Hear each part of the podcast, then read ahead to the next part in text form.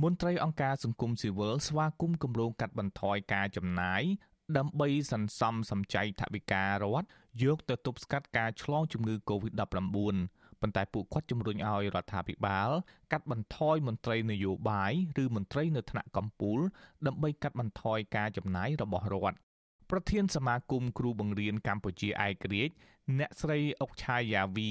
សង្កេតឃើញថារដ្ឋាភិបាល បានអោបក្រសោបមន្ត្រីវ័យចាស់ចាស់ទុកច្រើនពេកដែលធ្វើឲ្យខាតបង់ថវិកាជាតិនិងធ្វើឲ្យយុវជនចំនួនក្រោយបាត់បង់ឱកាសបន្តវេន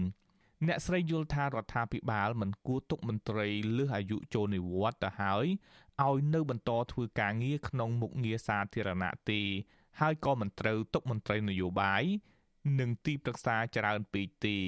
ខ្ញុំឃើញថាមន្ត្រីរាជការជាច្រើនចូលនិវត្តន៍ប៉ុន្តែមន្ត្រីអ្នកមុខអ្នកការអ្នកមានបុណ្យស័ក្តិអីដូចជាក្រាញអត់ព្រមចុះសោះអានេះហើយជាការលំបាកសម្រាប់ក្មេងជំនាន់ក្រោយក្មេងជំនាន់ក្រោយចង់ឃើញបទពិសោធន៍ក៏ដូចជាបច្ចេកទេសបងមន្ត្រីចាស់ចាស់អញ្ចឹងណាហើយបើមន្ត្រីចាស់ចាស់ក្រាញនានា ការលើកឡើងនេះក្រោយពេលដែលរដ្ឋមន្ត្រីក្រសួងសេដ្ឋកិច្ចនិងហិរញ្ញវត្ថុលោកអូនពាន់មនីរតកាលពីថ្ងៃទី18សីហា បានប្រាប់ឲ្យក្រសួងមុខងារសាធារណៈផ្អាកការជ្រើសរើសមន្ត្រីរាជការគ្រប់ស្ថាប័នទាំងអស់នៅឆ្នាំ2022ទាំងក្របខ័ណ្ឌគ្រូបង្រៀនកងកម្លាំងប្រដាប់អាវុធនិងរដ្ឋបាលថ្នាក់ក្រោមជាតិលើកលែងតែក្របខ័ណ្ឌក្រសួងសុខាភិបាលតែមួយគត់ បន្ថែមពីនេះរដ្ឋាភិបាលក៏នឹងមិនដំឡើងប្រាក់បៀវត្សឲ្យមន្ត្រីរាជការនៅឆ្នាំក្រោយដែរ។រដ្ឋលេខាធិការក្រសួងសេដ្ឋកិច្ចនិងហិរញ្ញវត្ថុលោកវង្សីវិសុទ្ធលើកឡើងកាលពីថ្ងៃទី17សីហាក្នុងកិច្ចប្រជុំសេចក្តីព្រាងច្បាប់ស្តីពីហិរញ្ញវត្ថុសម្រាប់ឆ្នាំ2022តាមប្រព័ន្ធ Zoom ថាមូលហេតុនៃការកាត់បន្ថយការចំណាយនៅឆ្នាំក្រោយ គឺដើម្បីរដ្ឋាភិបាលអាចប្រមូលធនធាន យកទៅចំណាយលើតម្រូវការជាអតិភិបរបស់ជាតិដូចជាការទប់ស្កាត់ជំងឺ Covid-19 ជាដើម។ជាមួយគ្នានេះរដ្ឋាភិបាលក៏មានគម្រោងប្រមូលពន្ធនិងចំណូលមិនមែនសារពើពន្ធឲ្យមានប្រសិទ្ធភាពឡើងវិញដែរនៅឆ្នាំក្រោយ ដើម្បីយកមកទប់ទល់នឹងការចំណាយក្នុងព្រឹត្តិការណ៍ធំធំដូចជាកិច្ចប្រជុំអាស៊ាន ដែលកម្ពុជាត្រូវធ្វើជាម្ចាស់ផ្ទះ ការបោះឆ្នោតក្រុមប្រឹក្សាគុំសង្កាត់និងថ្នាក់ជាតិនិងព្រឹត្តិការណ៍ SEA Games នៅឆ្នាំ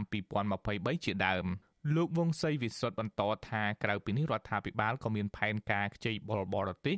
ដោយរាល់ឆ្នាំដែរតែលោកមិនបានបញ្ជាក់ពីចំនួនជាក់លាក់ទេ មិនមែនប្រាក់ខែក្រៅបុគ្គលិកក៏យើងបានរឹតបន្តឹងដែរហើយសូមទោសទាំងស្ថាប័នគ្រប់ទាំងអស់ក្នុងនោះតែសភាជាតិដែរតែយើងគ្មានលទ្ធភាពជូនតាមសំណុំពរបានទាំងសងបានខ្លះដែលផ្អែកលើធនធានមានកម្រិតរបស់យើងទៅតម្រង់ទិសទៅកន្លែងដែលធ្វើឲ្យយើងរស់បានមានជីវិតយូរអង្វែងហើយខ្លាំងបាននៅថ្ងៃមុខ ទោះបីជាយ៉ាងណាអ្នកនាំពាក្យរដ្ឋាភិបាលលោកផៃស៊ីផានឲ្យដឹងថារដ្ឋាភិបាលនៅមិនទាន់មានគម្រោងកាត់បន្ថយមន្ត្រីនយោបាយឬទីប្រឹក្សាទេលោកអះអាងថាទីប្រឹក្សារបស់រដ្ឋាភិបាលខ្លះធ្វើការដោយស្ម័គ្រចិត្តមិនមានប្រាក់បៀវត្សទេអានឹងជាសេចក្តីសម្រេចរបស់នាយករដ្ឋមន្ត្រីខ្ញុំមិនដឹងទេអានឹងជាតម្រូវការរបស់រាជរដ្ឋាភិបាលហើយដែលជាបុព្វសិទ្ធិរបស់នាយករដ្ឋមន្ត្រីអ្នកខ្លំមើលសង្គមក៏សន្និដ្ឋានថាការអូសបន្លាយនៃវិបត្តិជំងឺ Covid-19 អាចធ្វើឲ្យរដ្ឋាភិបាលរងផលប៉ះពាល់ថវិកា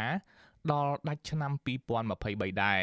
នាយកអង្គការសម្ព័ន្ធកណន័យភាពសង្គមកម្ពុជាលោកសនជ័យមិនជំទាស់ទៅនឹងការកាត់បន្ថយចំណាយរបស់រដ្ឋទេប៉ុន្តែលោកលើកទឹកចិត្តឲ្យរដ្ឋាភិបាលលុបបំបាត់អំពើពុករលួយឲ្យមានប្រសិទ្ធភាព ទើបការកាត់បន្ថយឬការកែតម្រង់នានាទទួលបានប្រសិទ្ធភាពតាមដែលខ្ញុំប្រមាលមើលវាអាចមានការប៉ះពាល់ផ្នែកសេដ្ឋកិច្ចហ្នឹងហើយនឹងការចំណាយហ្នឹងអាចរហូតដល់ឆ្នាំ2023ឯណោះបាទអញ្ចឹងហើយបានន័យថាការកិត្តគូជាយុទ្ធសាស្ត្រសម្រាប់ការប្រយ័ត្នប្រយែងការសន្សំសំចៃដើម្បី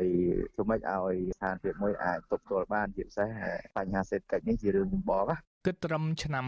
2020កម្ពុជាមានមន្ត្រីរាជការសរុបជាង200,000នាក់តួលេខនេះមិនរាប់បញ្ចូលទាំងមន្ត្រីនយោបាយទីប្រឹក្សាជំនួយការពិធីការមន្ត្រីជាប់កិច្ចសន្យាក្រុមប្រឹក្សាមេភូមិអនុភូមិនិងសមាជិកភូមិទេរបបក្រុងភ្នំពេញគឺជារដ្ឋាភិបាលដែលមានក្បាលធំជាងខ្លួន ដោយសារតែមានមន្ត្រីនយោបាយលើសពីតម្រូវការប៉ុន្តែបែរជាខ្វះមន្ត្រីបច្ចេកទេស ក្រុមអ្នកឃ្លាំមើលសង្គមជំរុញឲ្យរដ្ឋាភិបាលកាត់បន្ថយមន្ត្រីនយោបាយឲ្យច្រើនហើយជំនួសដោយមន្ត្រីជំនាញមកវិញខ្ញុំយុនសាមៀនអាស៊ីសេរីប្រធានាធិបតី Washington